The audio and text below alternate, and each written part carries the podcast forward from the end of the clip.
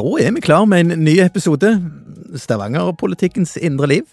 Denne gangen har vi ikke besøk. Det er fordi at vi har så utrolig mye smart å si sjøl. Vi trenger ikke noe besøk. Eh, eh, men de to faste representantene og damene er på plass. Så vi, vi gleder oss til en ny, ny, runde.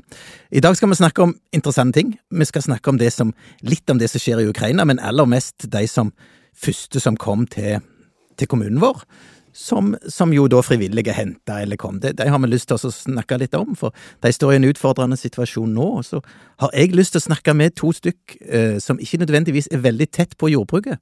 Hva de vet, og hvor, hvor orienterte de er om, om jordbruksforhandlingene. Og jeg syns jo det er veldig spennende. Jeg har lyst til å høre hvordan, om de òg syns det. Eh, for det kan jo faktisk sprenge ei regjering, og det er jo alltid interessant for oss politikere. Så det er det vi skal snakke om i dag, men um, Også litt om tredelinga av uh, Ja, unnskyld, det òg skal vi ta. Den glemte det du. må vi ta. Ja, ja. Det er Ann-Kristin opptatt av. Ja, ja. Tredelinga av permisjonen. Uh, mm. Uh, det er jo viktig. Vi skal snakke om det nå. Det var mm. veldig bra du sa det. Men uh, Marie, du er jo ei, ei frisk dame. Født, uh, født naken og tannløs på Tasta i meget ung alder. Hva det var for noe? Jo, det, det, det, altså, det, har vi jo hørt mange ganger. Kan du, det er ikke tenker, jeg har aldri hørt det. Naken og tannløs i meget ung alder. Forklar nå. Nei, det skal jo bare være morsomt. Oi. Altså, det, det er ikke Ingen forklaring! Det er ingen forklaring. Men de fleste er jo det. Jo, alle fleste, er jo det. Alle er jo født, jo. og de fleste er født nakne og tannløse. Tannløse, ja. Så jeg tenker det er en god måte å presentere folk på. Nei, dette var veldig morsomt. Ja, vi må ha det, ja. vi må ha det litt løy. Men uansett, uh, uh, Marie. Ja? Samme hvor du er født og hvordan. Uh, går det bra? Ja, det gjør det. Det, ja. går, det går, bra. Det er mye som skjer i jobb, og mye som skjer med spysyke og unger som spyr og ting og tang, og bursdager som kommer oppi det hele. Så livet som firebarnsmor og kommende rektor, det blir ikke kjedelig. Eh, så det, det, er travelt. Og så var jeg forrige helg i Harstad og i Narvik. Og ja, på skitur. Ja, liker, å, like å fylle opp eh, tomrommene òg med kjekt innhold, så. Du hviler liksom ikke? Jo, jeg må jo hvile i det og det vi holder på med òg, men, eh, men eh, sier sjelden stopp, og jeg syns det er kjekt. Men kan du anbefale lytterne å reise til Narvik på ski? Absolutt. Ja. Det, var, det var tidenes opptur, for jeg har ikke vært i Alpene. Og jeg har mm. forstått at jeg har gått glipp av noe stort med å ikke ha stått på ski i Alpene. Men når jeg kom til Narvikfjellet, eh, så var det helt fantastisk. Nord-Norge er vakkert, og det var strålende sol. Eh, mildt og godt, og nydelige skiforhold. Så Narvikfjellet Eh, nå kan jeg liksom si at jeg har vært i noe sånn som så ligner iallfall på Alpene. Ja. Ah, ja, for da kan jo jeg si at jeg har jo vært noe som ligner på Alpene, jeg òg. Og det er i Colorado å stå på ski. Ja. Og det er også veldig, veldig fint. Men jeg har også en sånn, tenker Norge har mye å by på. Ja. Mm. Men eh, ja, nei, men det er bra. Men du er jo, Ann-Kristin, du, du, er jo fra Alpene. Du er jo ja, født faktisk. i Sunnmørsalpene. Og jeg har jo sagt det mange før, du er født i en sauegard i Sunnmørsalpene. Ja, jeg er faktisk det. Ja, og ja, det er jo um... Ikke akkurat i sauegard. Nei, nei, men veldig nærme. Ja, ja, tannløs og naken og sauegard. Det var voldsomt, dette her. Da. Nei da. Men uh, du har vært ute og reist? Ja. ja. Tenk, det har jeg vært. Fortell, den, Kristin. Og veit dere hva jeg har vært hen? Jeg har vært i Rio de Janeiro i Brasil. Tenk på det. Og det er nesten jeg må puste for å si det en gang til. Men det var um, Vi har noen venner som bor der, og som, har, eh, som jobber der. Så vi var og besøkte dem. Og fikk bo i deres leilighet når de var i Norge på påskeferie. Og Rio de Janeiro og karneval hører jo sammen. Og vet du hva? Det var karneval når vi var der. Så jeg har altså vært på karneval i Rio. Ja. Med sambamusikk og kostymer og Masse flotte folk og utrolig stemning. Og jeg vet ikke, det var et eventyr. Helt ja. fantastisk eventyr. Ikke bare karnevalet, men bare det å være i Brasil. Ja, det er jo et spesielt land, og et stort, svært land. Ja, Godt og varmt? Ja, sånn mellom 25 og 30 grader. Oh. Og så bodde vi jo ganske nærme stranda. Og disse her sambandene går jo, vet du. Og så var det eh, mange fine topper. Men det som var min største opplevelse faktisk i denne påska, det var å vandre fra eh, bånden av, av, fjellet og opp til denne Kristusfiguren som står i Rio. For mm. den står jo på et 700 meter høyt fjell. Så da kunne vi gå opp gjennom regnskogen og kjenne på både svette og litt utfordringer og sånn. Og jeg kjente at det ble en sånn påskevandring for meg. For kom jeg lenger opp i denne skogen og så plutselig Der er Jesus! Oi! Det ble skikkelig sånn der, eh, Det ble en sterk opplevelse, rett og slett. Ja. Mm, så det var en sånn der, Selv om det var masse hundre folk, så var det en sånn fredelig plass å være. Og se på denne svære, hvite figuren som står i storm, som står i sol, som står i regn. Uansett. Nå er du godt i gang med en andakt her, du. Ja, Ja, det var rett før. Ja, det kunne godt før. bare lene oss bak og lytte. ja, men jeg, jeg ser jo for meg at det kan være en opplevelse. Det var det. Se det. Ja, sant? det det, det, Og den er 43 meter høy, tror jeg. En kjempehøy.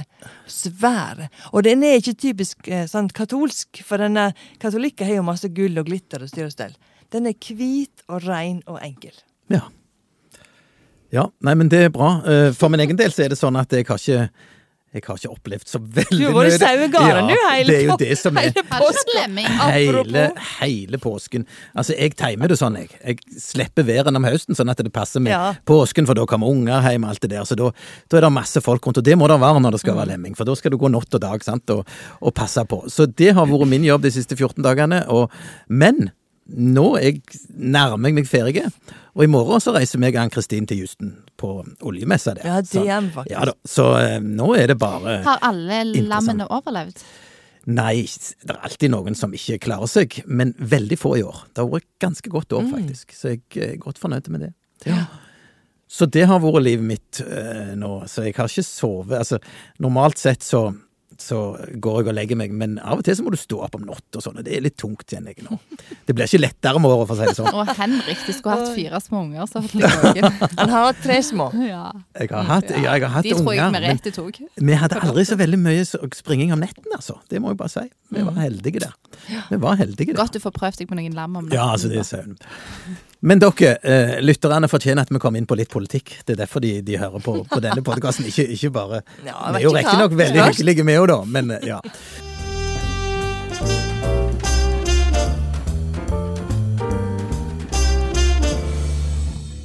Nei, men jeg har lyst til å snakke Skal vi ta litt om, om situasjonen i Ukraina først? Altså, for det første, jeg, jeg må jo si jeg ble overraska.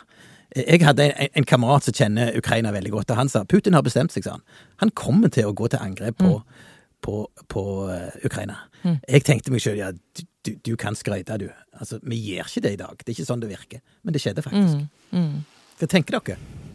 Helt ufattelig. Ja, jeg husker når jeg leste at eh, nå har eh, Russland gått inn, så husker jeg at eh, jeg tenkte at eh, dette er et angrep på oss alle. Nå er Europa i krig, og vi er på sida til Ukraina, og ingen er på en måte helt trygge. Så jeg husker, og det er litt, på en måte litt dumt, men jeg, liksom, det har kommet litt på avstand etter hvert som uken har gått, men jeg husker den opplevelsen den var ganske sterk når jeg leste VG og vi fikk sånn nyhetsvarsel at nå er det krig. Ja, det, jeg kan, kan si akkurat det samme, nesten. Jeg kjente nesten fysisk sånn at Dette var vondt. Dette er krevende. Og hva er nå? Og liksom, en ting er Pandemien har jo vært, vi har vi har hatt mange utfordringer der. Og så kommer dette her rett etter pandemien på en måte er over. Og så skal vi forholde oss til en ny krise. For det blir jo en krise for hele Europa. Eh, og det, og jeg bare, jeg, jeg bare liksom maktesløs i forhold til at, den, at han Putin ikke vi kan gjøre noe med han. At ikke vi kan på en måte Men kunne vi ha gjort noe mer med han? For Ja. jeg tenker liksom sånn rent prinsipielt Når noen angriper noen, så stiller du opp og forsvarer. Vi gjør jo ganske mye i form av måte økonomi Ja. og i forhold til våpen. Men jeg tenker sånn, jeg syns det er litt fake det. Av at vi sitter i frykt for tredje verdenskrig, så gjør vi ikke noe mer. Er Hva hvis de går videre og tar Polen etterpå? Ja. Altså, Hvor mange land skal Ja. de få ta før vi sier nei, vet du hva, nå agerer vi faktisk? Men Polen er Polen i Nato? Unnskyld Ja, at jeg ja. var ukunnskapsmessig her. Ja, for det, det, det, det, det er noe med dette her med Nato-alliansen, hvor sterk den er. Ja, Um, Samtidig så står jo Ukraina på kne og ber om Ja, hjelp. ja, nå gjør de det. Og jeg tenker Altså, jeg syns film jeg skulle gjort mer, jeg, altså. Nå har vel Erna erkjent at uh, når han gikk inn i Krim, så skulle vi gjort mer. Ja. Ja, for har, i hun har 2014. sagt det. I 2014, ja. Ja, mm. ja, jeg tror det var 14. Så, så hun har sagt at det, d- da burde vi tatt signalet. Eh, Ja. men en gjorde jo ikke det. Men jeg må jo si, for å si det da, Stoltenberg har imponert meg. Han, han har vært Ja. veldig tydelig hele veien. Har sagt det helt klart. Uansett, det er alltid mange, der er mange der er konflikter mellom land, men ingen land har lov å gå inn i et annet og erklære krig. Det har ingen lov til. Og det har han fulgt, det har vært hans liksom fane hele veien, og det syns jeg har vært Ja, veldig han Det har vært veldig bra, men jeg syns på en måte Fyller han det helt opp med hva, hva stiller vi opp med når det da har skjedd? Men jeg altså, vi skal ikke kimse av en tredje verdenskrig heller, eller en Nei, atomkrig, for den saks skyld. Det er den jeg syns er ganske Ja, samtidig som jeg bare Det er et eller annet prinsipielt problematisk med at vi sitter alle og griner, men ingen ønsker at vi aktivt går inn og deltar. Jeg vet ikke. Det er noe jeg har tenkt på. Skulle vi ha gjort mer? Men disse, alle disse restriksjonene og alle de konsekvensene for det russiske folk og for Russland har jo på en måte etter hvert begynt å merkes. Mm. og Det er jo de, da- dess de dårligere stilt som får merke det først. Det er jo sånn det dessverre er. Men, Men- jeg syns vi har gjort en del grep. Så kan vi alltid vurdere. Og i ettertid så vil vi si nei, vi skulle kanskje gjort det, eller vi skulle kanskje gjort det. Men en, jo alltid, en stiller jo alltid spørsmål med hva, hva informasjon vi får, og hva som egentlig er rett. Men det som jeg tror nå, det er at en ser at eh, Putin er i ferd med å drite seg ut. Ja, det er jo helt sant? Og da tenker en at ok, la, la han få steike litt i sitt eget fett, og så, og så fyller vi etter, et- fyller vi han etterpå. For jeg, jeg tror ikke at han kan fortsette som Jeg tror ikke han kan fortsette i Russland som, som diktator nå etter, etter dette. Hvis dette blir et tap, og han ikke klarer å, å, å få det som han vil i Ukraina. Da, da, da, og så ut ifra de uttalelsene som Biden kommer med, som sier at dette, han må stilles for krigsrett, det er jo egentlig det han sier, så tror jeg det vil skje. Eller kanskje de tar en sånn eh, militær spesialoperasjon inn i Russland, og så får avsatt han en gang for alle? Nei da, uff, det var litt useriøst. Men likevel, en kan bli litt matt altså, på at Ja, en ikke får det. eh, stilt opp mer for de som lider. For Det er jo så folka det er snakk om. Det er jo disse folka som lider. Du hører de forferdelige historiene. Ja. Jeg, blir helt, jeg klarer liksom ikke å forholde meg til det, for jeg, jeg må nesten beskytte meg sjøl. Og klart, da kan du tenke de som står midt oppi det. Ja. Og alle de folka vi har truffet som har kommet til Norge. Eh, som ikke så så mye av det, for de kom ganske tidlig. Men dette her er jo bare helt det er helt grusomt, rett og slett. Det er bare ikke ord for det, nesten. jeg. Nei, helt sant. Og, og det som jo er liksom litt sånn festlig, da, det er hvordan påvirker dette oss? Hva skjer i Stavanger når det skjer noe sånt i Ukraina? Og det som jo skjedde i Stavanger, det er at eh, Stavanger har masse kontakt med Ukraina. Både innenfor næringsliv, og, og det er ikke lenger vekke eller at det, det, er, det er familier som er, som er hvor ei- en er fra Ukraina og en er fra Norge, og de bor i Norge og de bor i Ukraina. Så det som jo skjedde, det var at de som hadde sjanse til å komme seg ut, de reiste jo selvfølgelig ut. Og de reiste ikke til et, et FN-system, for det var ikke lenger enn at de kunne sette seg i bilen og kjøre til Norge. Og noen av de ble faktisk henta av frivillige og ildsjeler i, i Norge, som, som egentlig henta arbeidskollegaen sin, eller Mhm. henta sine. Eller mora si, eller Ja, det var. Mm. faktisk så var det sånn. Og eh, så må jeg si jeg har blitt litt overraska når jeg har blitt kontakta av folk som, som Og vi har jo fulgt med én sak, blant annet noen på utsyn som kom i en buss der. Men, men det jeg forstår, det er at det, det å komme til Norge som, eh, som asylsøker Altså, as, altså ikke gjennom FN-systemet, men en som bare legger passet sitt på bordet og sier 'jeg søker asyl'. Da skal du komme til en plass som skal virke avskrekkende i første omgang. Eh, Det skal ikke vært kjekt det å komme til Norge da, som asylsøker, forstår jeg. Det, sånn Hva sier at du forstår det? Hæ? Hva sier at du forstår Jo, for det? det, har, det, det hørte jeg, det ble sagt ifra, ifra på en måte folk som har greie på det, at det, det å, disse her plassene, sånn så, da skal du komme til Råde. Det var den eneste plassen Norge hadde her i sør, hvor vi kunne komme til. Og der, der står det noen senger uh, midt på et gulv. Altså, det skal Ikke koselig, for å si det enkelt. det skal ikke være koselig, for dette, det, det skal være det, Som sagt, det skal virke avskrekkende. Mm. Eh, Det, det, litt sånn overraska det. Men, men det er nå én ting. For jeg tror ikke dette som skjedde i Ukraina med de som kom fra Ukraina Systemet vårt var ikke tilpassa det. Nei. En annen type enn når du kom fra Syria, for eksempel. Ja, fra Syria eller Ja, en som kom så tar det tid å stable på beina det tilbudet òg. Altså det, folk må jo få litt tid på å områ seg òg. Vi var jo ikke Krigen kom jo brått på alle. Det var jo ikke gjerne forutsetninger heller for å ha klart et system som tok imot. Nei, men. Men, nei, det er greit nok med en gang, men når du da har gått en stund, og de som faktisk kom hit via private fortsatt er en utfordring, og at ikke de fått hverken kommet seg inn i systemet eller fått seg bosetting nå etter to måneder. Absolutt, men det er det jeg Det mener. Du kan ha forståelse noen dager, Men og du kan ha forståelse nok. noen uker, kanskje. Men etter hvert så må jo disse her inn og, og få eh, opplevd verdighet i det Mm. at de kommer til Norge og får beskyttelse. Ja, det var en som sa det ganske nylig, at når du kommer til et nytt land, så tar det gjerne entusiasmen og nysgjerrigheten og det positive varer gjerne i tre måneder. Og så begynner det å dale. Du er liksom, nå vil jeg gå i gang, nå vil jeg få meg et nytt liv, nå vil jeg virkelig prøve å etablere både i forhold til skole og arbeid og komme meg inn i et miljø. Men så blir det, når du møter så mye motstand, så blir det mindre og mindre opplevelsen av at dette, her, dette var, her var det godt å være. Og da får vi, som på en måte skal hjelpe deg som et norsk samfunn, en mye sterkere motbakke i å hjelpe dem. Så det å komme i gang tidlig og få dette her på plass, det er en av nøkkelen for å klare å lykkes i integrering og lykkes i det å etablere folk i nye sammenhenger. Ja. Og vi har jo da, som sagt, i KrF, vil jeg nå si, Henrik, møtte de folka på utsyn den dagen de kom. Vi har hatt et spørsmål i kommunalutvalget der vi stilte spørsmål hvordan skal disse utgiftene dekkes, og fikk et langt nei fra ordføreren, så langt jeg forsto det. det var veldig svart. Ja, og så hadde vi en sak i kommunestyret i tillegg, Mm. og den også ble stemt ned. Og KrF har virkelig stått Jeg vil si, skryte litt av det, for vi har virkelig stått på og stått opp. Og hvor er venstresiden i denne, denne delen av politikken? Ja, Jeg det- hører det jo ikke. Nei. De stemmer oss jo ned. Hva er dette for greier?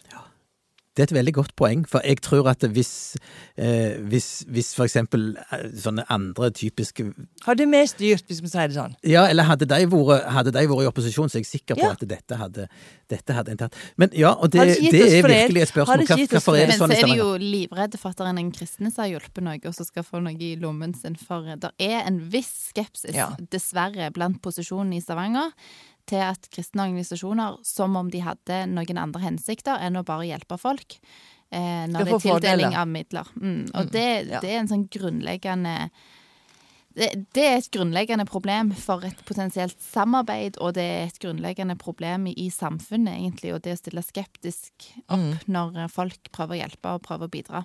Ja, for det Det- ble faktisk sagt i kommunestyret at dette kan være menneskesmugling. Ja. Sant? Den bussen som kom til utsyn, ble det sagt dette kan være menneskesmugling. Og ja, Mm. Ja, det, nei, det, da var, det, det, vet du hva, jeg gikk hjem fra det kommunestyremøtet den dagen, jeg var så skuffa. Liksom, ja, det, går- det er lov å bli skuffa Og det. flere dager etterpå tenkte på det der vedtaket. Hva i all verden? Hvorfor kunne ikke de stemt på det? Nei, da ble jeg helt overgitt. Ja. Men, men så er det jo sånn at eh, Stavanger har jo sagt at vi skal ta imot 750 Mm. av, disse, av disse kvoteflyktningene som skal komme. Men så er det òg sagt at vi skal være positive, eller vi skal, vi skal være med på noe som heter en A-mot-ordning. Altså, det vil si, det er sånn, på en måte et litt sånn hurtigspor, der folk bare kan komme til kommunen og si at eh, jeg har plass å bo og alt dette her, men, men jeg trenger Et personnummer. Jeg trenger et personnummer, jeg trenger noe å leve av. Altså det som andre nordmenn har rett på. Altså sosial støtte og alt dette her. For de får jo ikke det heller, når de bare bor hos noen uten noen ting. Ikke sant? Men det er jo mest ingen som har søkt på det i Stavanger. Jeg syns det var bare fire søknader. Ja, det var bare fire.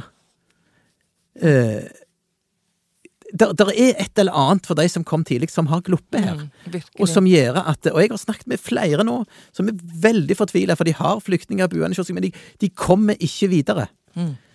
Men med en gang de kommer inn på et asylmottak, så er de innenfor, og da kommer de videre. Mm.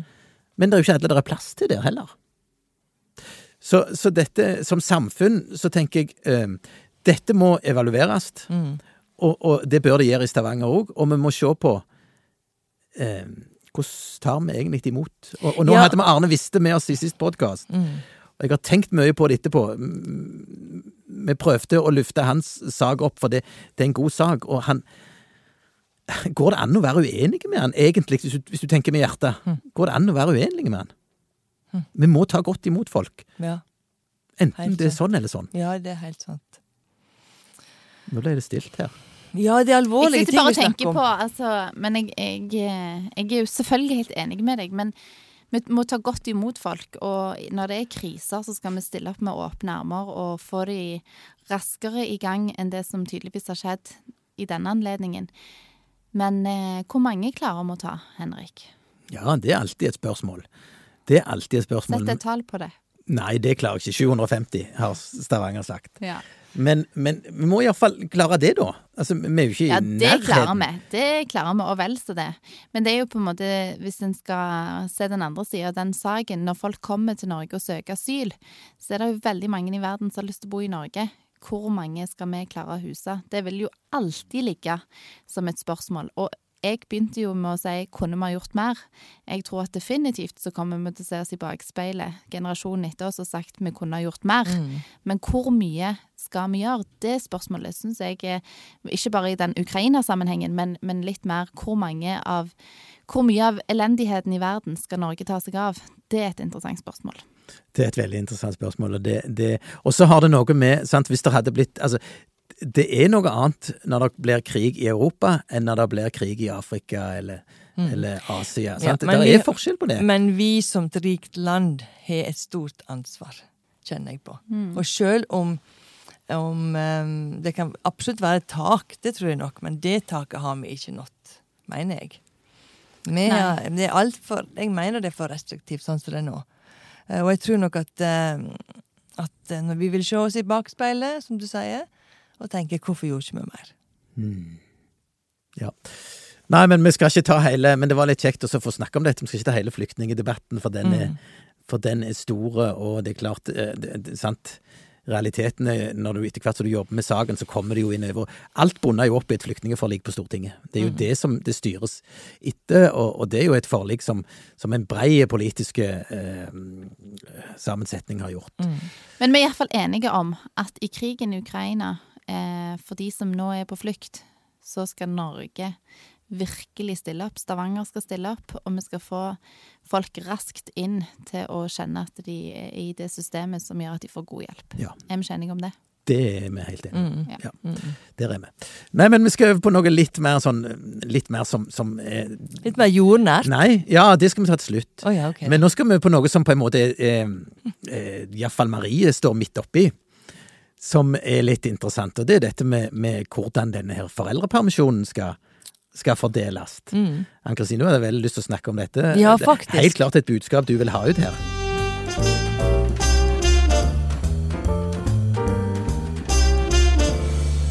Ja, for dette, jeg ser nok at det der um, Det ble jo en endring for Jeg Vet ikke tid det ble en endring, jeg, faktisk. Det var han mens KrF satt i regjering, faktisk. Så det, Ja, så vi stemte jo imot det som, som eneste parti. Eh, og det var jo Jeg er jo ikke nødvendigvis imot den utvidelsen av Altså, fedrekvote må vi ha, mener jeg. Det har vært mitt, mitt, inn- eh, mitt uh, innsak, fordi vi trenger den fortsatt. Og nå mente jo jeg da, sist vi drev og diskuterte, at ti uker var ganske realistisk. Og så resten kunne familien. Altså familien kunne bestemme resten. Mens nå er det blitt slik at i løpet av ganske, eh, ganske få måneder så skal en ut i jobb igjen som mødre. Og så snakker en om at en har, har ammefri, og at en har ditt en har datt. Og jeg bare tenker ja ja. Det er jo ikke alltid akkurat det med amminga som er det største problemet. Det er kanskje ikke, ikke du sover i det hele tatt, eller at du har fått kjempefysiske utfordringer. Eller at du i det hele tatt er ganske sliten etter en fødsel. Og kanskje er det nummer tre og fire. Det er ikke nødvendigvis førstemann, men det er nummer tre eller fire. Og da har du helt andre situasjon hjemme enn det du hadde når du fikk én og to. Så jeg tenker vi lager et altfor rigid system på eh, noe som er så utrolig individuelt og utrolig forskjellig fra familie til familie. Og jeg mener det er ikke fleksibilitet sånn som det er nå. Og de som står og snakker høyest om dette, jeg stiller meg veldig skeptisk til om de har unger sjøl. Men Ja, altså bare, men bare- vi må si hva det- det er. Bare for å tilføye Ja, det. det er altså, det som òg har skjedd ja, ja, men du skal få se etterpå. Men det som òg har skjedd, er at det har vært en undersøkelse som viser at mødre tar mer ulønnet Ja, permisjon nå etter denne endringen kom. Så det har jo aktualisert dette her. Mm. Marie. Ja, og tredelingen, for dette er mange som sier hva er det der tredelingsgreiene? Det er jo at staten, altså partiene på Stortinget, har vedtatt at permisjonstida skal deles i en kvote til mor, en like stor kvote til far, og så en valgfri periode i midten som skal fordeles. Men den store kvoten som er tvungen til mor og tvungen til far, som det ikke er fleksibilitet på, den er det KrF vil ha Ja. vekk. Og så vil jo jeg si at jeg hadde lyst til å gå enda litt lenger enn Ann-Kristin. Jeg syns at det skal være helt opp til familien å velge hvordan den skal fordeles. Ikke engang de ti ukene tvungne til far. Kanskje ikke det er lurt, fordi at det er, du trenger gjerne litt pressmiddel for at fedrene skal ta det ut. Men jo mer valgfrihet en får lov til å legge opp til, jo bedre er det. Og jeg tenker at det, nå er det vel 16 uker. 15. 15 er det, Ja. Eller 16, kanskje. Ja, uansett. Men iallfall. 15-16 uker, skal vi Ja, si jeg det kan sånn. telle Ja. det spiller Ja. ingen rolle. Som er, som er regulert på en måte veldig tydelig til begge parter. Og der skulle det vært litt grann mer eh, fleksibilitet, Mm. tenker jeg. Det er 16 uker. Ja. Men det betyr ikke at altså For vår del så har jo Stefan, min mann, han har tatt eh, ganske lange og gode permisjoner. Jeg har hatt eh, lyst til å komme raskt tilbake inn i jobb. Eh, Iallfall med to av ungene. Så det er jeg er veldig for at fedre kan stille opp og ta mye av permisjonen, men det finner en ut sjøl. En trenger ikke politikere som finner ut av det. Det blir en kjempesak for KrF i framover, Mm. for dette engasjerer folk. ja, veldig. Ja, og vi er jo Jeg, jeg opplever jo at det, vi er enige med oss sjøl. Ja. Her er vi ganske tydelige. Vi hadde jo en stor diskusjon på Jeg husker jo når dette var en diskusjon på landsmøtet. Mm. Og det var ulike meninger, men, men vi- vi landa jo på, på den løsningen så Eller ikke den så På en litt mer sånn fleksibel løsning enn det som er nå. Mm. Eh, Og nå er vi veldig enige om, tror jeg. Mm. Partiet er veldig samla rundt akkurat dette. Ja, ja, ja. Ja, bare opprørerne her borte som mener at det, skal være Ja, helt mener, fritt. Ja. Men jeg mener at vi fortsatt har en vei å gå for, for å tenke at det er naturlig for fedre å ta en del av permisjonen, faktisk. Ja. Og kanskje i enkelte sammenhenger, men, men mer og mer fleksibilitet, det syns jeg når det blir mer og mer naturlig, og jeg har fått det virkelig inn i systemet. Ja. Men jeg tenker På sikt. noen uker til fedrene syns jeg er helt fint. Men er det ikke sånn at, at samfunnet blir mer og mer fleksibelt? Altså, eh, det med å stemple inn på jobb, det skjer jo ikke lenger. Sant? Folk har ikke I disse noen, ja, i noen Ja, det er ikke veldig mange. Det er noen som må være på ei fast tid, men, men arbeidslivet har blitt mer fleksibelt. Eh, samfunnet har blitt mer fleksibelt. Er det ikke da sånn at det, da må familiene òg få det mer fleksibelt? At de kan velge sjøl? Mm, mm, er ikke det en god Jo, jo, jo. Jo, jo. God- Vi er enige med Henrik. You're preaching to the choir. ja, ja, jeg trenger ikke ja, men det er, Akkurat nei, her er det ikke så voldsomt uenig. eh, det er jo mange andre enn dere her. ja, ja, ja. Masse lyttere som hører på stereo. Tusener på tusener. Tusener på tusener. Nei, men det er greit. Eh, Da skal vi til noe litt mer sånn jordnært i slutten. Eh, For jeg er jo bonde, så jeg sitter jo midt oppi dette med jordbruksoppgjør. Jeg syns det er forferdelig spennende. Og den bygda jeg bor i, når klokka var elleve på onsdag, så sto det helt stilt. Det var ikke en lyd. Alle så og venta på eh, krav fra staten, fra, fra bondeorganisasjonene når det gjaldt jordbruket. For det står bare og dirrer for tida. Veldig spennende hvordan dette går. Og som jeg sa i innledningen, det kan jo faktisk føre til en sånn regjeringskrise. Men hva tenker dere som, er, som Tasta og Hinna eh, om, om jordbruksoppgjøret? Syns dere det er spennende, for å si det sånn? Altså um Ja, jeg syns faktisk det er litt spennende å følge med.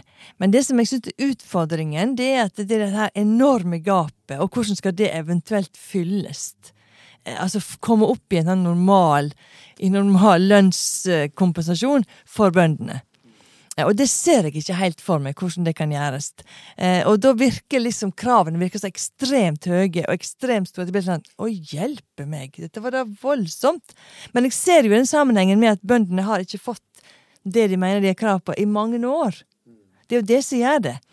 Men, men det er klart det er en kjempekrevende og jeg særlig med med matutfordringer av produksjon av mat. Det er jo kjempeviktig i våre tider. Men, ja, men, men jeg må spørre deg, sånn som når du går og handler i butikken, eh, syns du det har blitt dyrere? Nå? Og, og hvor mye er du villig til å betale for, for at vi skal ha en, en god matproduksjon i, i Norge? Er du er villig til å betale mer enn i dag? Ja, jeg er villig til å betale mer for norsk, norske matvarer. Det er ja, jeg faktisk. Ja, ja, men det er jo interessant. Mm. Men nå har vi, siden vi nå ikke har så mange unger hjemme, og det er bare meg og Stiv, så merkes ikke det så voldsomt. Men har du en barnefamilie med, med flere barn og store familier, så vil du merke det veldig veldig godt, tror jeg. Det har jo Marie.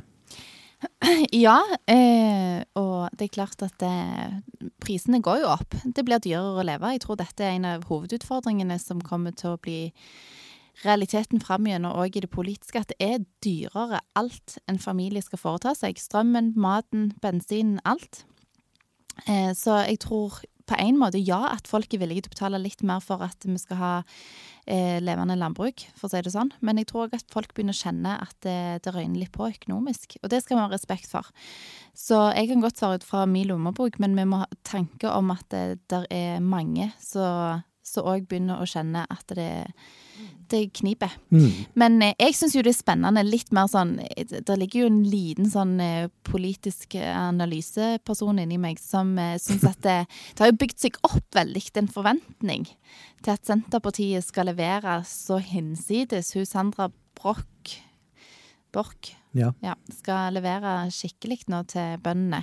Så jeg syns jo det er spennende òg eh, fordi at eh, liksom det spillet som utspiller seg i dette her, kravet, forhandlingene, brudd i forhandlinger, alt det som ligger og venter nå i neste uke, det syns jeg bare er litt sånn polit politisk nerdete spennende. Ja. Eh, men, eh, men vi er jo alle enige om at eh, det gapet skal tettes litt etter litt. Og så håper jeg jo at eh, de leverer. For regjeringa sliter. ja, det Altså, de sliter så sinnssykt. Og hvis de ikke får til dette, nei, da er det jo døden i gryta. Eller kanskje ikke. Kanskje de klarer å gjenreise seg likevel. Men, Men men det tar hardt i, og så, så begrenser du deg litt. Ja, ja, ja. Jeg hører det. Ja, de, å nei, nei, nei, kanskje ikke. ja, ja, men, men altså, det begynner å se alvorlig ut. Ja, det er sant. Kan vi Ja, si det ser alvorlig Det ut. kan vi si. Men, men bare for å ta det, da. I fjor, i fjor, Ja. i fjor må jeg bare si, det var i forbindelse med jordbruksoppgjøret, det var ingen enkel tid for KrF. Oh, nei. Det var Nei, men nå skal de få slite. Veldig vanskelig. Men hør nå. Da, da, sa, da, da kom bondeorganisasjonene med tilbud på litt over to milliarder. Sant? Og så var staten sitt, sitt forslag, eller sitt tilbud eh, Nei, kravet fra bondeorganisasjonene. Og så var, og så var tilbudet fra staten på mesten én milliard. Ikke sant? Og da sto Vedum på direkte TV og sa bøndene må få det de krever. Punktum. Ja. Sant? Bøndene må få det de krever, det er ikke noe snakk om. Over to milliarder, bare kjør på. Det, og det var kanskje rett, det. Men, men hva er grunnen til at Nå må han jo da mene i år òg at bøndene må få det de krever. Men Og- kanskje de innfrir. Og hva er det de krever? Hva er det de krever? 11,5 milliard. Ja, nemlig. Å, helledussen. Ja, Så det må Det er det- Senterpartiet det er innfri. De er nesten forplikta til det. ja, men det er det jeg tenker. Det, det er jo helt ufattelig. Det var mye. Ja, det er ganske mye mer enn den milliarden som jordbruket fikk i fjor. Oi, Eller for dette oi. året. Så her står vi overfor en, en skikkelig Ja, sånn en, en skikkelig nøtt. Så hvordan eh, toppene i Senterpartiet som skal ro dette i land, får sove fram til hvis, hvis ikke dette tilbudet er, fra staten er på en 8-9-10 milliarder, ja, så er det fullstendig krise. Det blir spennende å følge Geir Pollestad og alle de lokale Senterpartiheltene, og ikke minst Trygve Slagsvold Vedum. Han, eh, han savner jeg virkelig glis og smil og latteren til. Hvor ble det av? Ja, hvor ble det av? Hvor ble det av? Han ser alvorstung ja, ut. men det er spennende Det er jo da ei spennende tid. Og faktisk så er det sånn at eh, Senterpartiet styrer nå Stavanger. Dere er klar over det? Mm. Ordføreren representerer Senterpartiet. Mm. Dagny Sunnane Hausken. Dagny Ja, Hausken. Så vi har faktisk en ny ordfører nå. Ja, det har vi òg. Og Kari har fått barn. Kari ordfører har fått barn. Gratulerer, gratulerer. Gratulerer. Ja, gratulerer, gratulerer. Kari. Er det, er det noen som vet hvordan hun kommer til å gjøre med permisjon? Det må vi spørre henne om. Mm. Hun skal ha kort permisjon. Hun skal ha kort permisjon, har hun sagt. Hun skal ha kort permisjon. Tilbake i september, iallfall hvis det er planen. Og har fått seg en gutt. Kanskje hun hadde Tre gutter. Ja, guttegjengen, Marie. Ja, ja, ja. Jeg syns det var kult. Ok, skal vi til, han- Hun har en gutt som heter Henrik, Håkon. og Håkon. Og Oi. nå blir det Halvard. Herman.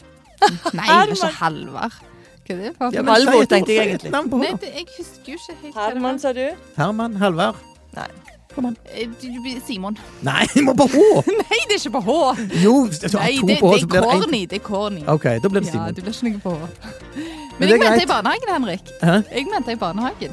Skal du hente nå? Apropos. Ja, nå må vi avslutte. Da må vi avslutte. Vi kan ikke dra det helt ut. Eh, nei da, vi skal ikke det. Nå har vi holdt på faktisk en halvtime. Um, veldig kjekt å treffe dere. Veldig kjekt å snakke med dere om aktuelle politiske saker. Og dere som hører på, må bare komme med innspill til oss og, og, og korreks til oss, for det trenger vi helt sikkert. Eh, og så må dere ha ei strålende helg. Eh, og så høres vi om litt. Absolutt. Ha det Heia godt. bøndene. Heia bøndene. Ha det bra.